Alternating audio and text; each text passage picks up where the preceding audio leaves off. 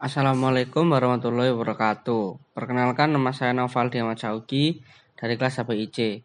Di sini saya ingin menjelaskan tentang contoh studi kasus tentang identitas nasional dalam dunia pendidikan di lingkungan sekitar.